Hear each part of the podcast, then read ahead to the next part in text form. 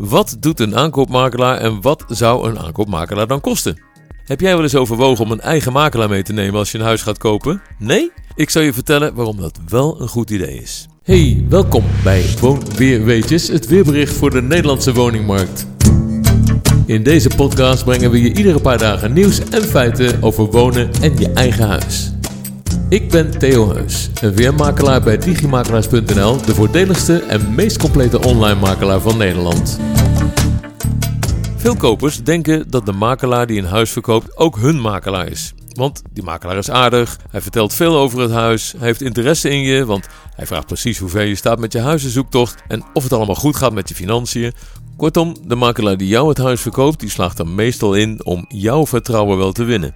Maar pas op, die makelaar van de verkoper heeft maar één doel. En dat is het huis voor zijn verkoper zo snel mogelijk en tegen een zo hoog mogelijke prijs te verkopen. En hoe meer vertrouwen hij jou als koper geeft, hoe makkelijker dat voor hem wordt. Ik zeg soms hij voor de makelaar, want hij zij klinkt niet lekker als ik dat steeds moet zeggen. Maar laat het duidelijk zijn dat er natuurlijk mannelijke en vrouwelijke makelaars zijn. En als ze de verkoopmakelaar zijn, hoe lief of aardig ook, man of vrouw, ze blijven altijd jouw tegenpartij. Als koper koop je een huis een paar keer in je leven, dus zo'n situatie maak je niet vaak mee. En als je een huis koopt, is de vorige keer meestal al lang geleden. De verkoopmakelaar verkoopt misschien wel iedere dag een huis, of toch in ieder geval een paar keer in de maand. Anders moet hij wat anders gaan doen. Dus als je dan als koper zonder makelaar denkt dat je daartegen opgewassen bent in de onderhandelingen, dan zeg ik: blijf nog even dromen. Tenzij je van beroep onderhandelaar bent natuurlijk, maar de meeste van jullie zijn echt niet tegen de skills van een gewiekste makelaar opgewassen. Een stappenplan om een huis te kopen zonder makelaar gaat je daarbij niet helpen. Een NVM-aankoopmakelaar kan je in de onderhandelingen geld besparen. Die weet namelijk precies hoe de tegenpartij, de verkoper dus, in elkaar zit. En welke argumenten beter werken om een goede aankoopprijs te bereiken. Dan hebben we het alleen nog maar over de koopprijs. Maar er is nog meer. De wet geeft jou als koper ook nog wat verplichtingen bij het kopen van een huis. De zogenaamde onderzoeksplicht voor de koper. En daar hoort bijvoorbeeld bij dat je zelf controleert of het aantal vierkante meter woonoppervlakte dat je koopt ook een beetje klopt. En of de perceelsgrenzen kloppen. En of er geen andere mensen rechten hebben op het perceel. En of er geen vervuiling is.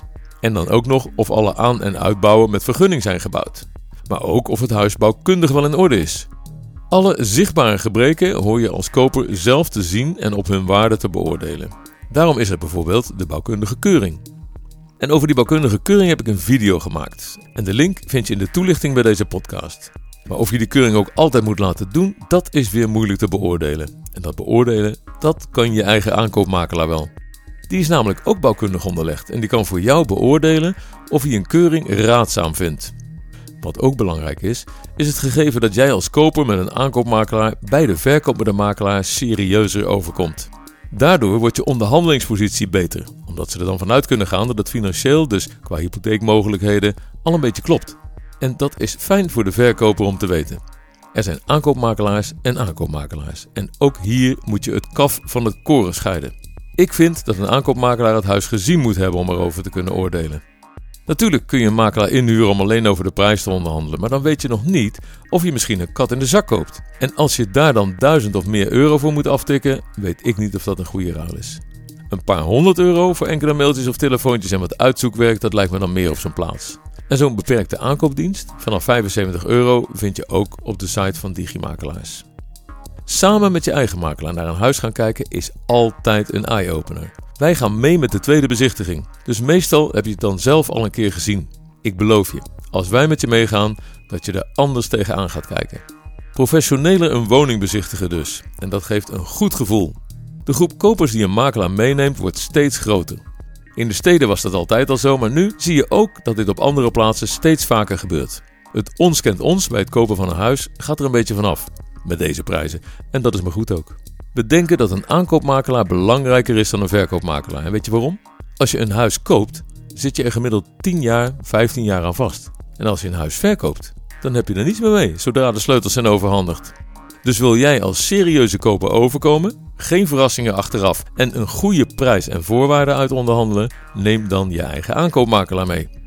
Een NVM-aankoopmakelaar kost je misschien geld, maar die is zijn geld dubbel en dwars waard en verdient dit bedrag met gemak voor je terug.